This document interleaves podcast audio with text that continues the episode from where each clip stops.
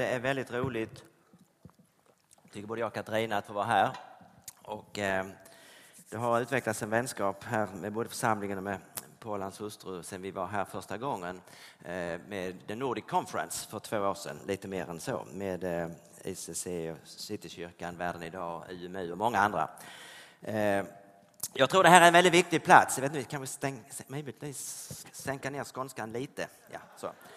Ja. Eh, det är som någon sa, du har ju inte ens en dialekt, du har bara ett läte. Ja, det är förfärligt. Men eh, jag tror det är en viktig plats. Jag kom in här första gången för två år sedan sagt, och det var bara som att Herren sa det här är en viktig plats. Jag hade ingen aning om er historia. Och jag gick och sa till Gunnar Olsson, i ICCs Sa så det här känns som här, de har verkligen med Herren att göra. Ja, så vet du inte vad det är för kyrka? Jag har ingen aning. Så. Ja, men det var här Kjell höll på och så räknade han upp alla andra. Men jag höll inte han på ute i bro? Nej, det var här. Och så hörde man män och kvinnor som har stått här med heliga händer under hundra år. Eh, och jag skulle vilja uppmuntra er och säga att den här församlingen är en fristad och måste vara en frizon som en del av allt Guds folk. Och det kommer inte att saknas det ni behöver när ni lyssnar till honom. Vi lever i en tid då hela världen och hela kristenheten nästan är förtvivlat jagar efter pengar. Och arvet förskingras och man, man, man kan säga man säljer smöret och man tappar pengarna. Och det är väldigt allvarligt. Och det kan vara så här att det är ett tecken på att det behöver resas upp män och kvinnor från alla åldrar samtidigt för att säga, Herre, ske din vilja i det här landet. Ske din vilja i den här staden, på våra arbetsplatser. Så vi får vara med och se en ny gestaltning av ditt rike som är praktisk och konkret, som får respekt med sig på ett ödmjukt sätt. Jag tror det är en väldigt stor utmaning för oss alla att få, få gå i, i, den, eh, i den riktningen.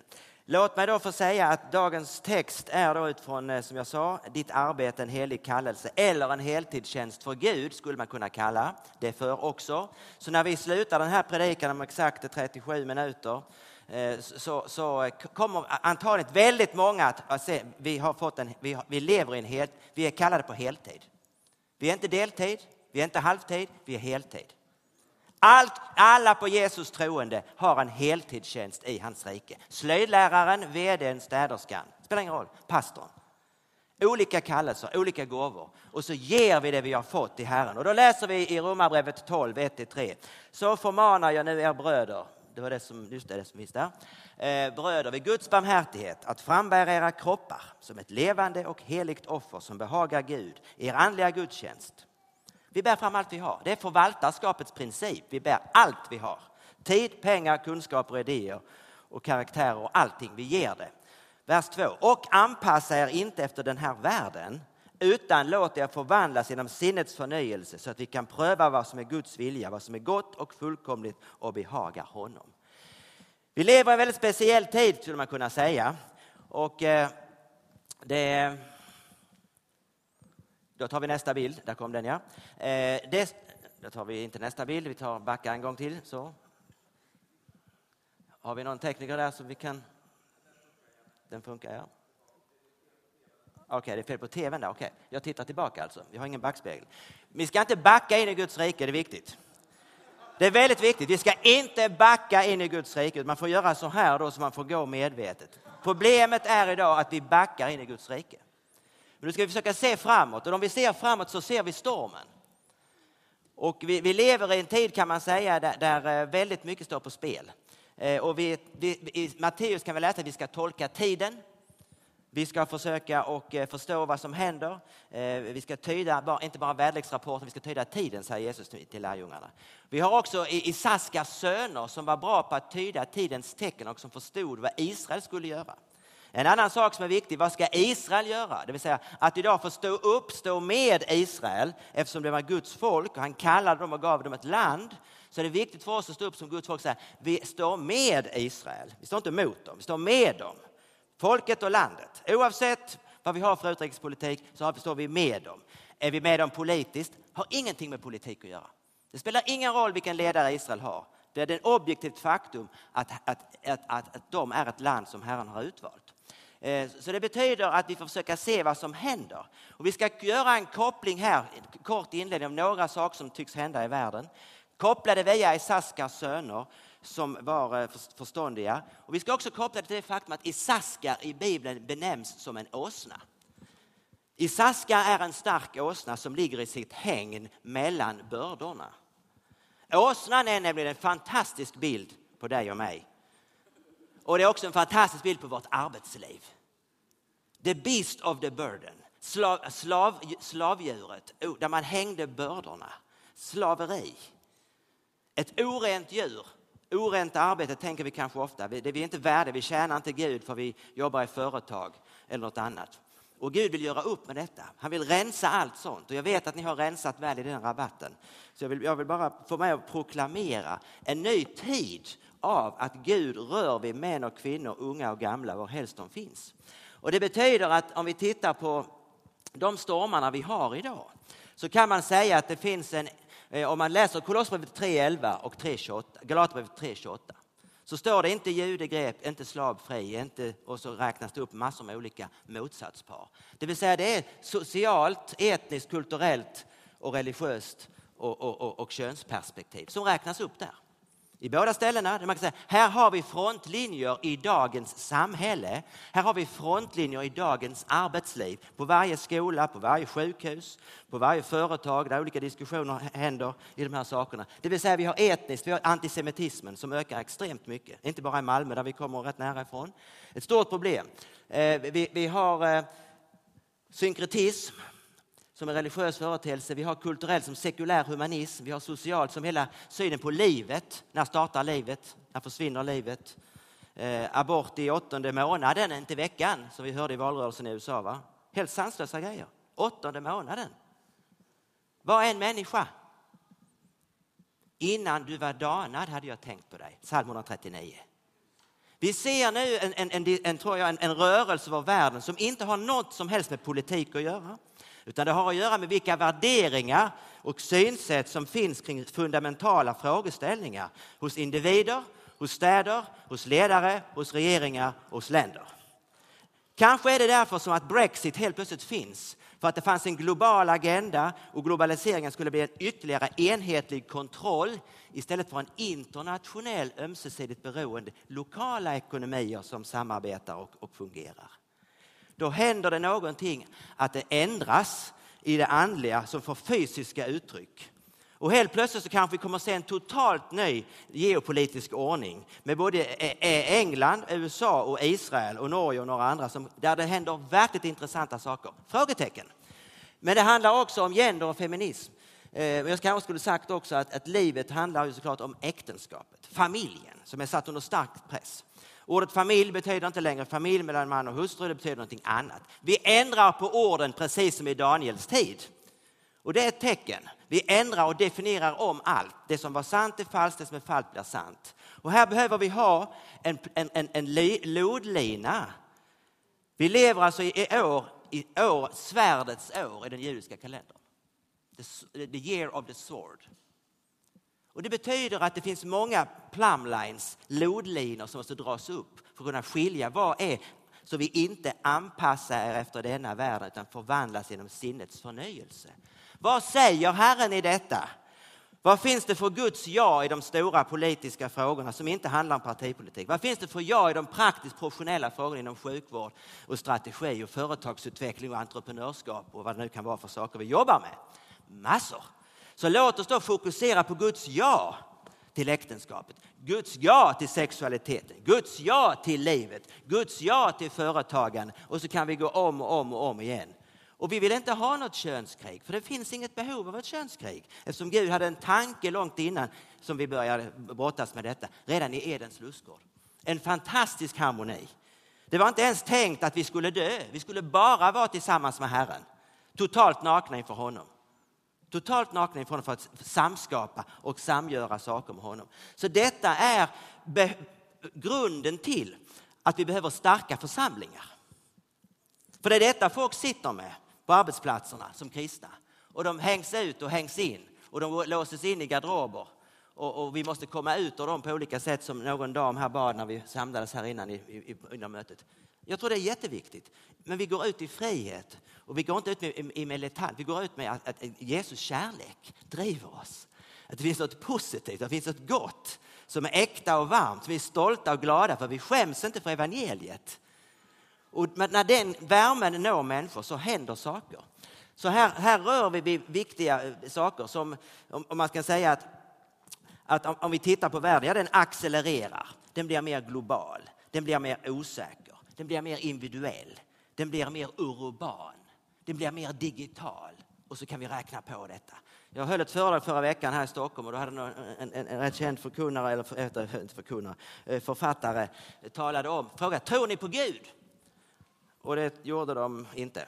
Eh, jag räckte upp, men det fick inte frågan för jag skulle prata sen. Men eh, Gud betyder här globalisering, urbanisering, digitalisering. G-U-D. Jag sa, this is not good. I serve a different God. Och jag tror vi, vi, men det här händer. Alltså måste vi förstå det. Vad betyder det när vi, när vi lever i vår kallelse i vårt arbetsliv? Vad betyder detta? Det betyder väldigt mycket.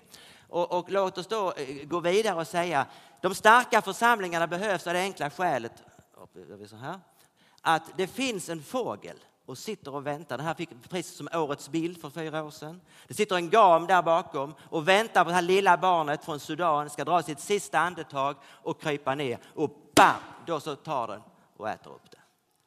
Det är lite grann bilden kanske, om vi spetsar till det, på Kristi kropp.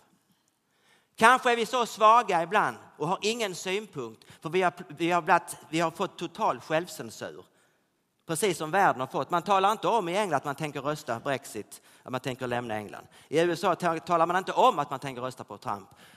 Och, och, detta är ju en företeelse att vi, vi skäms snart för allt vi är och gör och har och vill och får. Och jag tror att Guds folk ska aldrig skämmas för evangeliet. Vi ska inte skämmas för Guds kraft. För Guds rike det är inte ord och mat och dryck utan det är kraft. Det här barnet är så, det är så svagt så det kan inte ens dricka det levande vattnet och suga i sig det. Om det är situationen, då ser vi att du och jag har en fantastisk uppmuntran, uppmuntrande uppmaning från Herren själv att gå vidare och göra fantastiska saker i de församlingar vi finns och leva där i frihet och uttrycka riket som inte kan bäva. Den, så ja, så. Och då kan man säga, hur tillägnar vi oss det här Guds rike då? Nummer ett, vi är födda fysiskt. Vi blir födda. Nummer två, vi, vi är födda på nytt, andligt levande. Vi föds in i riket, precis som prins Oscar föddes in i riket för några år sedan. Man föds in. Och man skulle kunna säga att sen blir det en viktig fråga, vad händer sen? Och man skulle kunna likna det här vid att säga så här, ett ägg kan flyga. Men först måste vi hacka hål på skalet och fågeln måste komma ut och sen måste den börja röra sig. Och sen måste den lära sig hur man flyger och så bär vinden och så händer något. Om vi inte lär oss flyga och inte kommer ut ur skalet, då stannar vi att vi blir födda på nytt. Och vi vänder oss inåt och vi är väldigt tacksamma för att Gud älskar oss och det gör han verkligen. Utan det kan vi inte göra någonting. Men Herren har en större plan för dig och mig, för allt sitt folk. Nämligen att få tillägna sig reglerna. Hur lever vi i det här riket? Hur funkar det? Och man skulle kunna säga att lyssna. När vi lyssnar då talar Gud. När vi lyder då handlar Gud.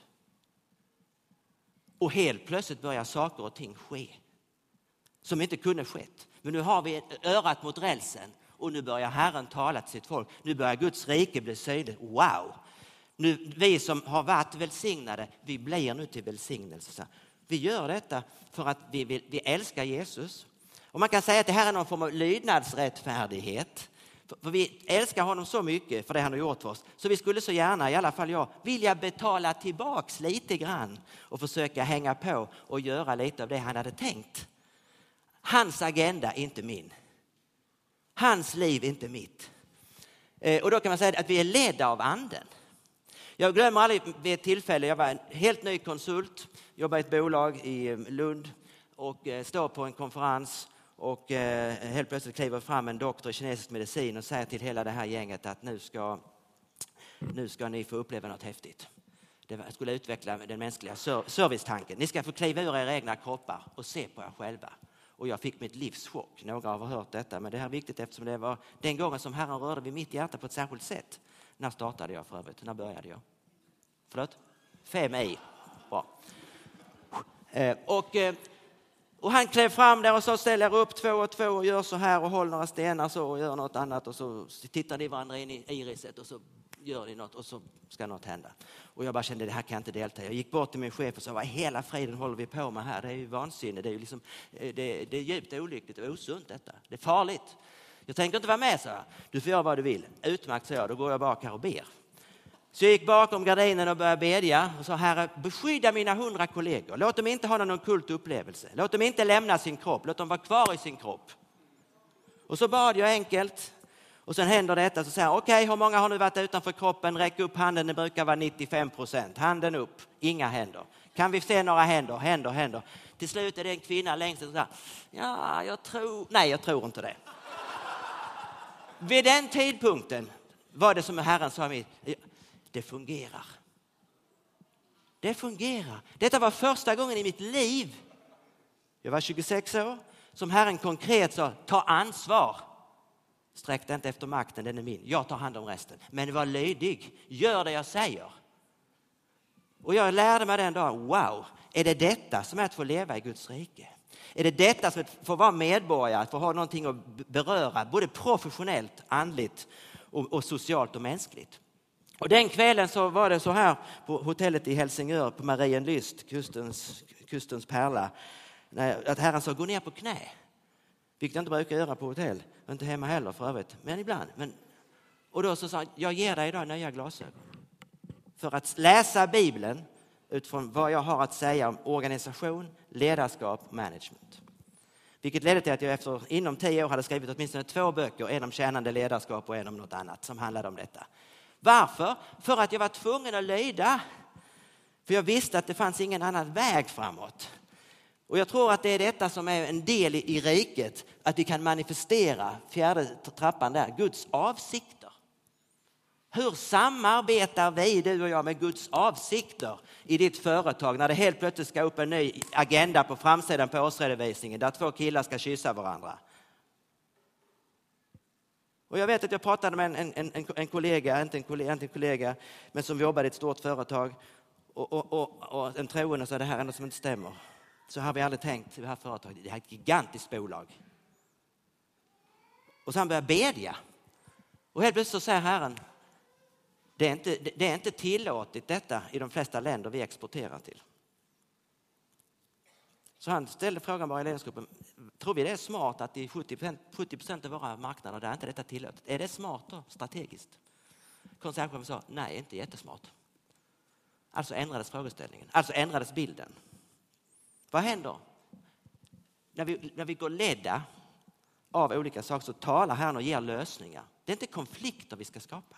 Skapa lösningar som är fungerande i en, i en, i en relevant, var relevanta i vår tid. Det betyder också att vi kan gå från att få bli välsignade själva, jag och min familj, vår arbetsplats, vår bransch eller vår sektor, ta byggbranschen, mycket korruption. Hur vandrar vi där heligt och rätt, psalm 15, så vi får bo på Guds berg? Ja, den som inte tar ut och den som inte gör sig så, han eller hon får leva på mitt heliga berg. Eller vi kan börja ta, ta ett ansvar för vår stad och vårt land i bön. Men om vi inte har gjort det på, e- på nivån att jag, jag och Herren, jag och min fru eller vår familj, då är det svårt liksom att sträcka sig efter att Sverige ska bli frälst om man uttrycker sig lite slarvigt. Vi måste få erfarenheter med Herren. Vad är det som händer? Vad vill du göra? Så vi kan ta ett, ett, ett nytt steg, ett steg i tro. Och då kan man säga så här att jag tror att den tid vi lever i handlar om det är en förvirringens tid. Det är en eh, konfrontationens och separationens tid. Och jag tror faktiskt att, att, eh, som skriften säger, det går en dom över världen, men den börjar med Herrens hus. Den börjar med mig. Det är poängen, den börjar med Jan Sturesson. Hur tänkte du? Hur handlade du? Hur gjorde du? Oj då. Här är det dags för omskärelse. Här är det dags för att ta, tvätta sitt hjärta och, och komma fram till rätt saker. Innan, om man pekar med ett finger så har man tre mot sig. Och det handlar om att kanske komma till förkrosselse och inse att man måste dö för vissa saker. Och Herren får ta över ens tankeliv. Så att vi är på väg åt med en resa med Gud där det finns ett, ett territoriellt ansvar. Att gestalta Guds ja i branscher, i sektorer. Och man skulle kunna säga att det är kanske dags eh, att, att, att bli medborgare på riktigt i riket. Det är kanske dags att säga, Herre, jag går all in. Jag inser att jag är här full tid för dig. Jag är visserligen vice vd i det här bolaget men jag trodde jag hade ett, ett sekulärt jobb. Nej, det finns inga sekulära jobb. Det finns inga sekulära jobb. Arbete i sig är andligt. Herren var den första som arbetade. Han arbetade i en, han var trädgårdsmästare, han arbetade i en lustgård.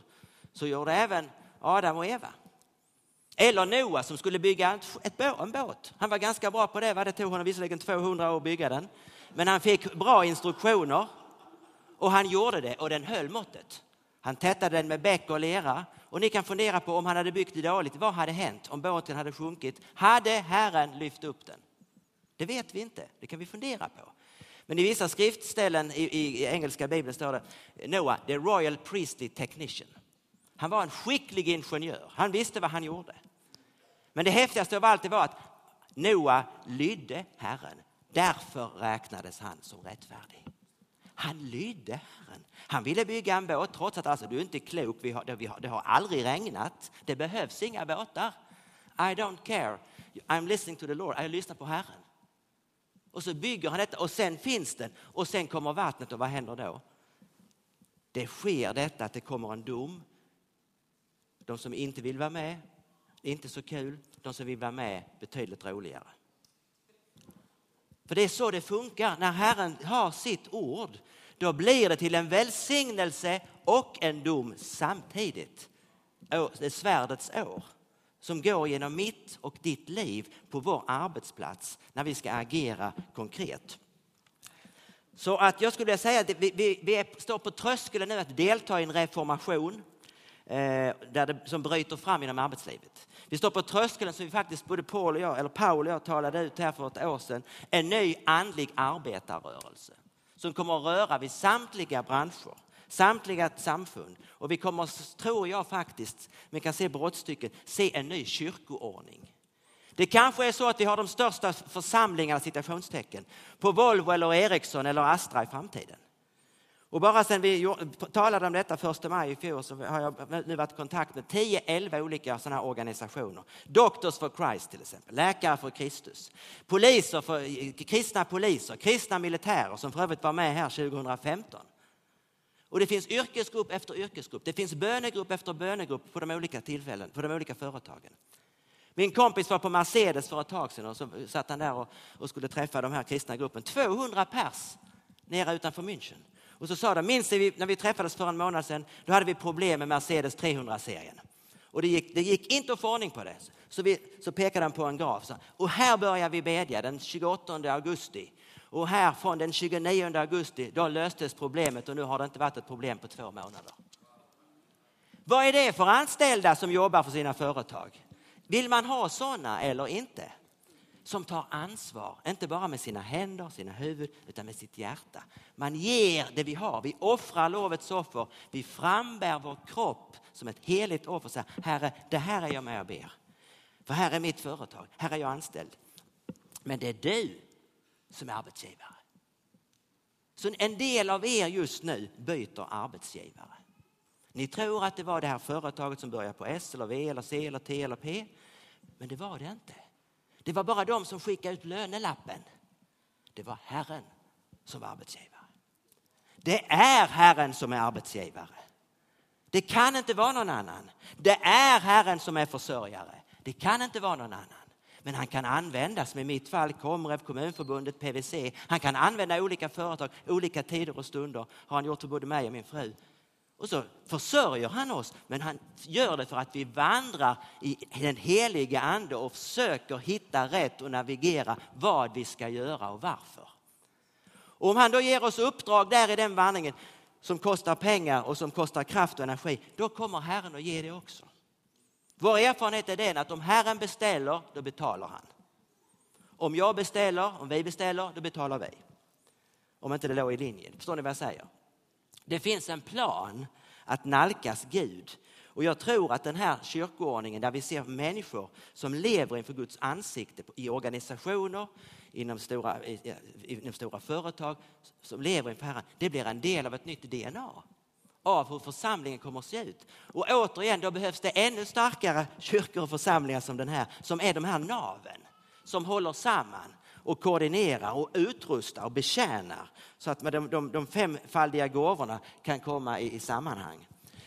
Man kan säga att arbete, vad är det? Ja, fysikaliskt är det kraften gånger vägen. Det har ni läst i sjuans fysikbok, tror jag. Eh, man, man kan säga så här, vilken kraft är det då? Är det min eller Herrens kraft? Vilken väg är det? Är det den breda vägen, min väg, eller är det Herren, den smala vägen? Fundera själv. Vi irrar omkring på min väg och eh, i min kraft. Vi kanske föds på nytt och vi ser att wow, här finns möjligheter. Det är någon som har tänkt. Vi inser att Gud har kraft. Vi, säger, vi kan födas och vi kan också få riktning. Men det kommer att hända först när vi får mening. När vi inser att det är Herrens väg och det är Herrens kraft. Det är det som är kraften gånger vägen. Då kan arbetet bli meningsfullt. För då är det vänt mot Gud. Och vi är inte på väg när vi arbetar bort från honom, som väldigt många är. Det finns bara ett gott arbete och det är det arbete som är på väg mot Herren, som tjänar honom i sina syften. Så att den här är en, en, en viktig eh, princip. Man kan också säga så här, det finns två sätt då att arbeta. Oavsett om vi är anställda eller vi har ett eget företag, privat eller offentlig sektor. Gud älskar allt detta. Det fanns ju en tid där man trodde att man kan ju, om man inte är pastor eller missionär så måste man åtminstone jobba i offentlig sektor. Som är liksom den, den, den tärande, jag tycker inte den är tärande men man kallar det ibland för det. Va? För den är liksom lite vitare, vita rocken. Va? Man kan inte vara ekonom och jobba i privat näringsliv. Jo det kunde man. Och, och, och helt plötsligt man säger det finns en, en, en hel full skala av detta. Och Gud behöver därför skickliga ingenjörer och ekonomer. Två sätt, ett naturligt sätt. Vi har en idé, vi har en affärsidé, vi har en produkttjänst eller vi har kompetens och en CV. En marknad, framgång söker vi, vill ha frihet, rykte och position. Ja, ganska naturligt va? Eller så säger vi det finns en andlig väg. Det finns en kallelse.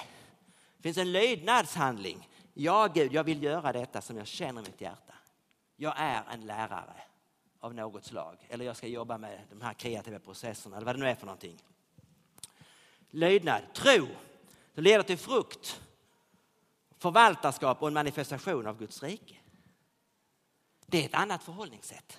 Och man kan säga att om man skulle sitta som arbetsgivare och börja anställa folk så är det kanske roligare att anställa en man, kvinna, en man, man eller kvinna som lever sitt liv inför Guds ansikte, som bär en kallelse, som bara har ett jobb. Det är en väldig skillnad i kvalitet. Jag träffade en man i USA en gång som sa att wow, du verkar vara kristen för du bär på en trombon. Och det kunde han inte veta, men jag var kristen och sa yes, I am. Och så säger han så här, you can praise the Lord with that horn. Yes sir, sa jag. Han var kanske 90 år, han stod där på perrongen, en riktigt grånad man. Och så sa han, jag har jobbat som chefs, chefsservitör i kongressens matsal och jag har serverat Gorbatjov och Khrushchev och Nixon och Thatcher och alla dessa räkna upp. Och jag har också serverat många vanligt folk. Men jag har serverat alla som om det var Jesus som stod i kön och höll tallriken och brickan. Och det har gjort att mitt liv har varit meningsfullt. Wow, jag fick gåshud när jag stod där och pratade med den här gubben. Jag tänkte det här är kvalitetssäkring 2.0. Det här är någonting annat än att bara liksom försöka hitta en process, vilket såklart är jättebra. Men nu kommer det inifrån. Hur mycket tid har vi kvar? Tio minuter? Oj.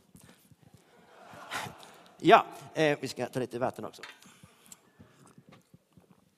Så att eh, jag vill gärna ta med den, det perspektivet. Och det betyder, tror jag, att Herren nu är ute och söker efter både Debora, Josef och Daniel och Lukas och alla de olika läkaren, juristen, eh, eh, båtbyggaren, konsulten, myndighetsmannen, Josef, förvaltaren. Vi har massor med fantastiska exempel i skriften. Jag frågar dig, vem är din favorit yrkesman, yrkeskvinna i Bibeln som var ledd av Herren till att göra stora ting? De finns där. Ta dem till dig och inse att du kanske är en del i en kommande våg, en kommande reformation där Guds rike bryter fram i arbetslivet på ett helt nytt sätt. Och då kan man också säga så här att väldigt mycket av, av det som ska hända, eller som har hänt, det hände i Eden. För där var det någon som skapade och gjorde. Sex dagar skapade Herren, sen tog han fram människan och så sa han, nu kan ni börja med att vila. Det säger någonting om att vi kan arbeta i vila. Det var också så att det var en gemenskap, den var obruten. och det fanns ett överflöd och Gud såg att det var gott. Därför vilade han. Han vilade inte för han var trött. För det var gott. Wow, det här har vi gjort. Mm, nice. Och så var det liksom en annan process. Och det finns en rytm i detta. Sex dagar plus en dag. Det finns alltså ett överskott i skapelsen. Så vinstmarginalen i skapelsen i Edens lustgård är ungefär 14,5 procent. En av sex, en genom sex, det blir sju. Va? Alltså sju dagar, sex plus ett blir sju och ett genom sex, det är 14,5 procent. Det är inte 10 procent. Tiondet kommer inte av detta. Eh, så det är ett enormt överskott. Vila. Ta det lugnt. Sen har vi vårt sjunde år ska marken vila, träda. Och sen vårt 49 år då ska pengarna vila, jubelår. Det är den sanna hållbarhetsformeln. Sustainable development, det är var, sjätte, var sjunde dag, var sjunde år, vart femtionde år. Det är the future of sustainability. Alltså har vi role models även här i Bibeln när vi pratar om de stora frågorna. Social, intellectual, financial, environmental. Eh, man kan också säga så här och ställa frågor utifrån detta när vi arbetar. Vem var den första arbetaren? Gud själv. Varför ska vi arbeta? Antagligen för att vi ska tillämpa våra gåvor, talanger, vår kallelse. Vi ska kanske betjäna andra. Och man skulle kunna säga, att, om man ställer frågan riktigt, vad är arbete? Arbete, om man tittar i skriften, en av översättningarna är worship. Arbete är tillbedjan. Vi tillber Gud, vi gör något, vi gör något inför honom.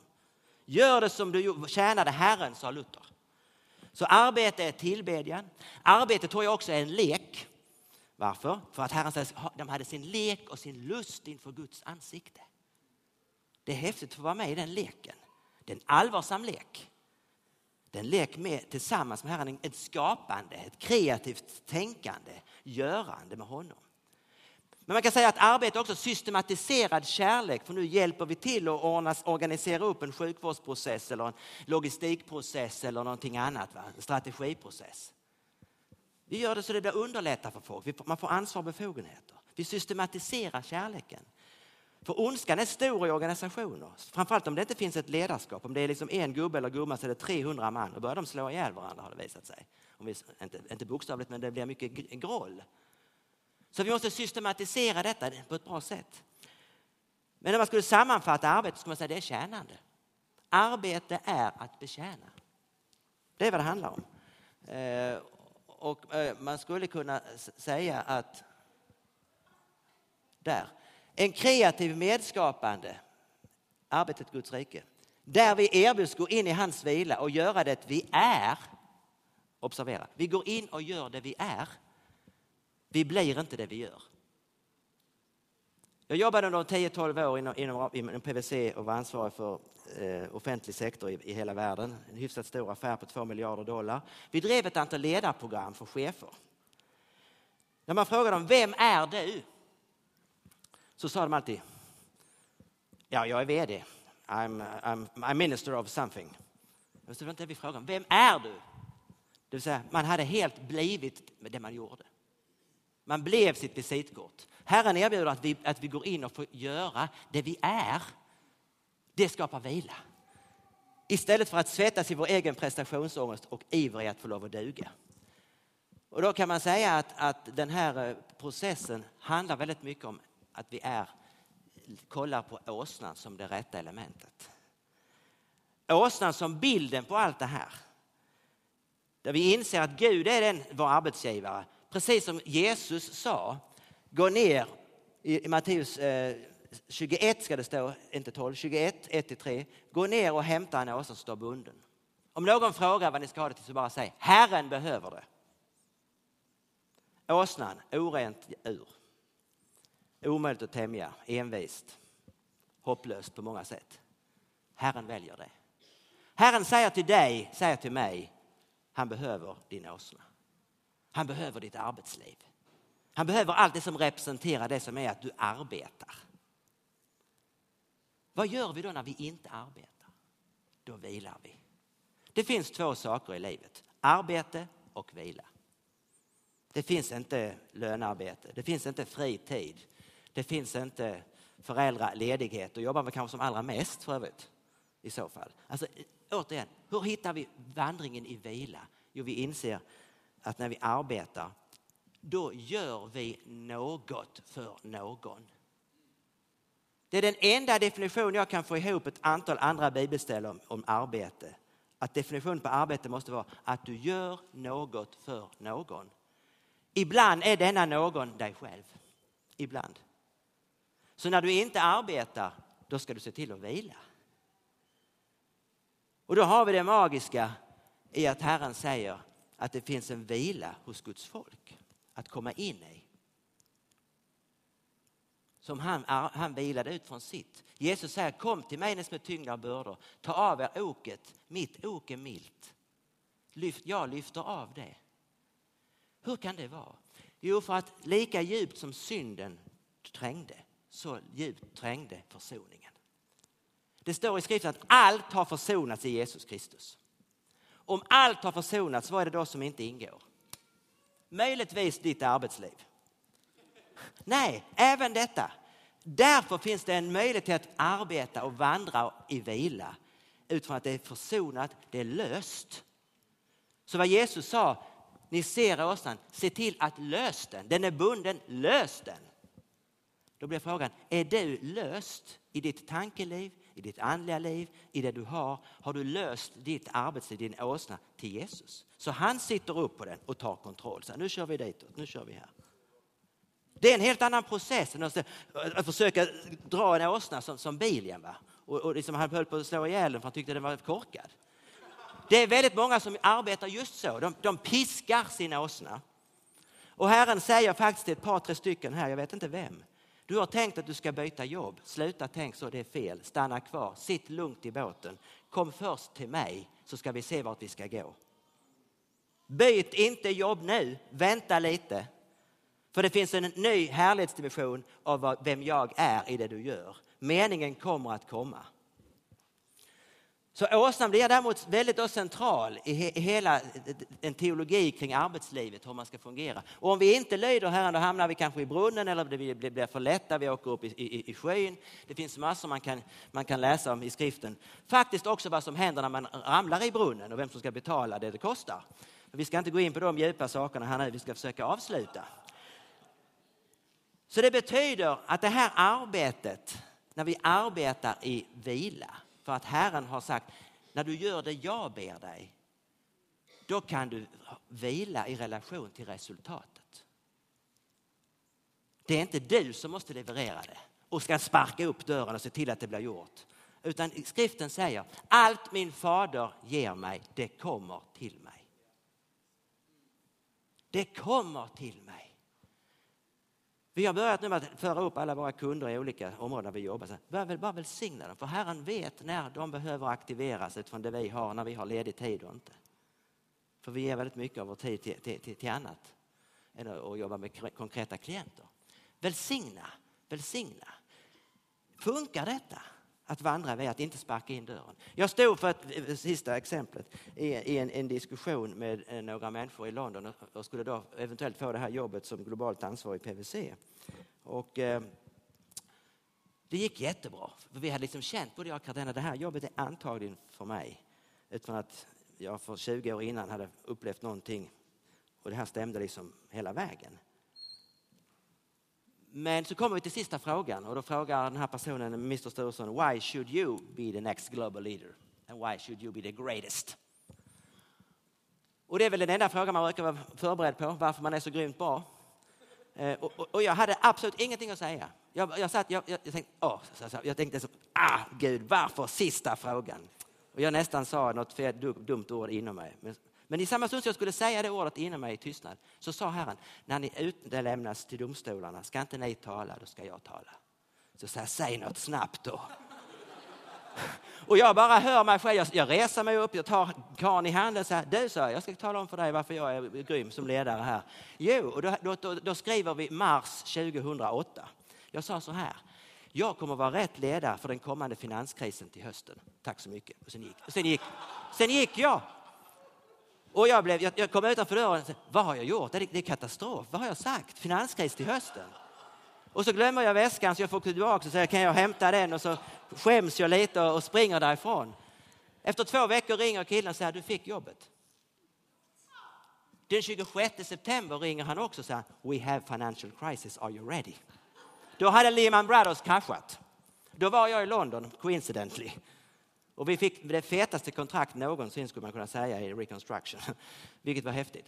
Så finanskrisen ledde till att den lilla affär jag skulle fixa med på en miljard dollar, den, den gick från en till två miljarder på fem år. Dollar. Det var enbart Herrens förtjänst, I tell you. Vilket också betydde att när jag kom i den, i den första processen så var det någon som försökte dra ner mig från det jobbet. Det var det första som hände. Det var en cowboy från, från Texas som inte talade skånska och inte förstod vad överhuvudtaget jag pratade om. Och det kom till en punkt och, herren, och jag höll på att börja citationstecken förbanna honom. Men då sa Herren, dina fiender, de ber du för. Vi började bedja för den här mannen. Och helt plötsligt så sitter vi i London i en middag och nu känner jag att nu så har jag repat mod. Nu ska jag ta fram svärdet. För han utmanar mig och så säger jag I'm sorry to say och sen så säger jag tre saker. Ding, ding, ding. Med, med, med, med, med viss eh, ödmjukhet också. Och han blev helt chockerad för jag hade inte rest rösten så mot honom någon gång. Så sa han bara You passed the test, we're friends forever. Sen den dagen så funkade det. Det fanns någon som skulle se till att dra ner någon i skiten för det fanns en kallelse. Så är det med dig och mig. Vad bygger jag detta på? Abraham. Han var kallad till att bli en fader för många folk. Och vi har, är det okej okay med tre minuter? Ja. En fader för många folk. Han ska gå ut och han gör det, men säger, och så ska vi då fixa till det här med, med, med, med avkomman och, och, barnen. Och så säger han, men det går inte. Nej, men så säger, eh, så säger Sara, gå in till Hagar och fixa det. Och så fixar de det och ut kommer Ismael.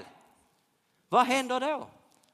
Jo, då händer det att Abraham blir omskuren på sin kallelsespunkt. Han blir bokstavligt talat omskuren mitt på organet för reproduction.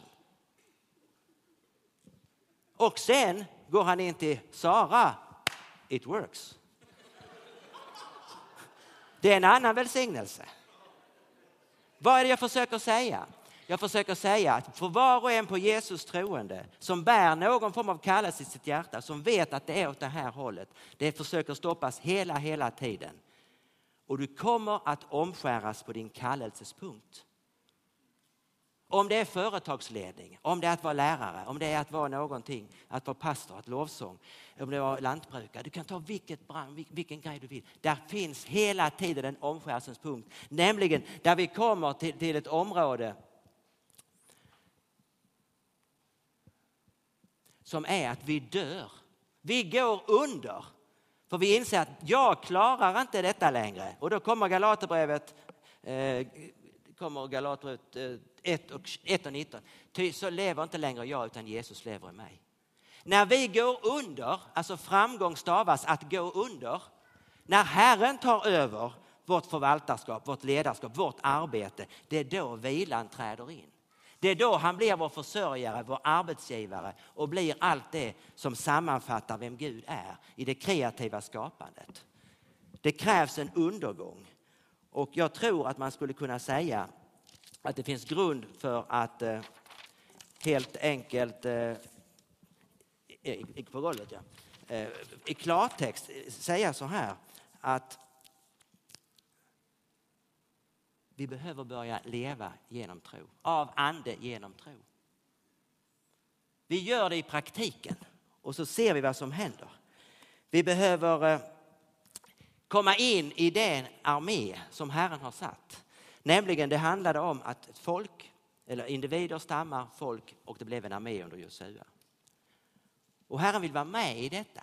För jag tror att vi alla inom en snar framtid på våra arbetsplatser kommer att ställas inför som Josua, hövitsmannens tjänare. Och Josua frågade, är du vän eller fiende? Och då säger ängeln, nej. Ganska kaxigt svar. Nej. Vad är du? Jag är chef för Herrens armé. Det vill säga det finns en högre väg än att hålla på och försöka skapa vän eller fiende. Herren har en tanke. Igen, nu finns det en plumline. Herren har en plan med ditt arbete. Herren har en tanke om vad nästa steg är, där du kommer in i en reformation som gör att du gestaltar riket, rikets frukt. Och folk säger, wow, är det detta livet vi har hört talas om? Då vill vi också ha det. Det är inte en berättelse om en gubbe på ett mål med skägg och, och, och som man gör saker till. Nej, det är, en, det, är, det, är en, det är den helige ande i oss som drar oss nära Jesus själv. Så jag vill bara avsluta med att säga lös din åsna. Bind den vid vinträdet och låt Herren ta hand om resten. Det är ett annat sätt att arbeta. Det är ett annat sätt att vila. Det är det, är det enda sättet att arbeta i vila. Amen.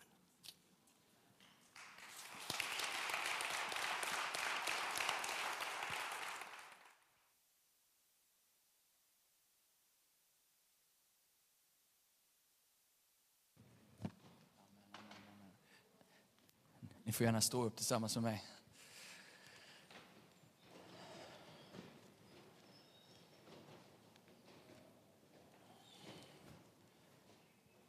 Tack Jan för att du delar ditt hjärta med oss. Och du har vidrört eh, väldigt mycket. och jag tror att det har väckt längtan och kanske frustration, satt fingret på olika saker. Vi ska ta en liten stund nu när vi, vi kommer få möjlighet att be för varandra och be med varandra, gensvara. Um.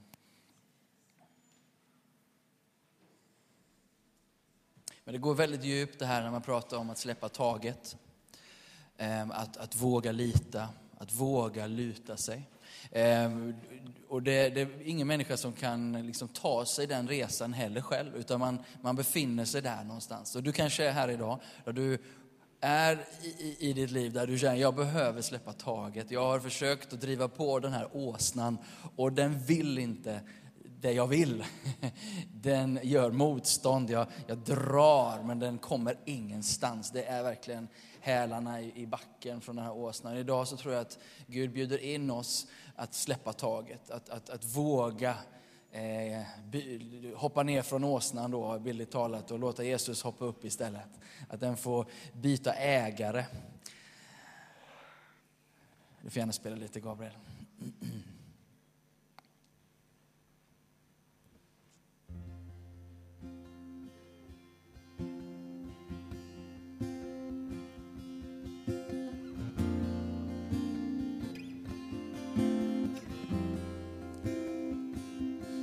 Johannes döparen, han var en förelöpare till Jesus. Och när han såg att Jesus steg in på, liksom, eh, in i historien ehm, och fick fler anhängare och, och skapade mer uppståndelse än, än, än Johannes själv. Och lärjungarna var liksom oroliga, vad är det som händer? Du tappar popularitet. Och så säger Johannes de berömda orden, jag måste bli mindre för att han ska bli större. Och det finns en sån tid tror jag, att få bara, vi har pratat om det här någon tidigare, någon, någon söndag, att få släppa det här taget och låta honom bli större. Och det är aldrig ett problem på djupet, för det är där vi har vår djupaste tillfredsställelse. Det är där vi mår bäst. Det är där vår glädje och vår njutning finns i honom. Vi gör så här att vi är förebedjare. Ni har varit några stycken innan och bett på morgonen. Ni får gärna komma till min vänstra sida. Har vi en, en förbönsplats där vi ber tillsammans med dig som, som vill ha förbön. Eh, men jag skulle bara vilja göra en, en, en allmän inbjudan här framifrån. Bara få be för dig där du, där du står. Om du, om du befinner dig i någon sån brytpunkt, där du skiftar, där du är beredd att släppa taget för att gå lite längre. Eh, om du bara lyfter din hand så kan vi få be för, för dig. Be för dig. Kan, kan vi göra så att du lyfter din hand om du vill ha förbön just nu? Så ser, ser ni som står runt omkring, du, du, kan vi inte bara lägga en hand eller, liksom, eh, eller bara be för de som finns här just nu. Tack Gud för, för, för de skiftestiderna, de här eh, tiderna du kallar oss att, att släppa taget om vår, vår, vår åsna. Tack att du har en, en väg Eh, tack att du kallar oss att, att den här åsnan ska få komma in i Jerusalem, precis som du bar in dig Jesus, att det blev ett skifte. Och vi ber om ett skifte här. Vi ber att det som har varit kamp och strid och ångest, det som har varit en, ett, ett, så, mycket, så mycket egen prestation. Tack att vi får lägga det inför dig Gud och säga Herre, led mig, jag vill följa dig, jag vill, jag vill ha det du har redan givit. Jag tar emot det du har gett Herre. Så vi välsignar våra vänner här idag. Vi tackar dig för att din hand, din goda hand, ska vila över dem. Mm. Kom heliga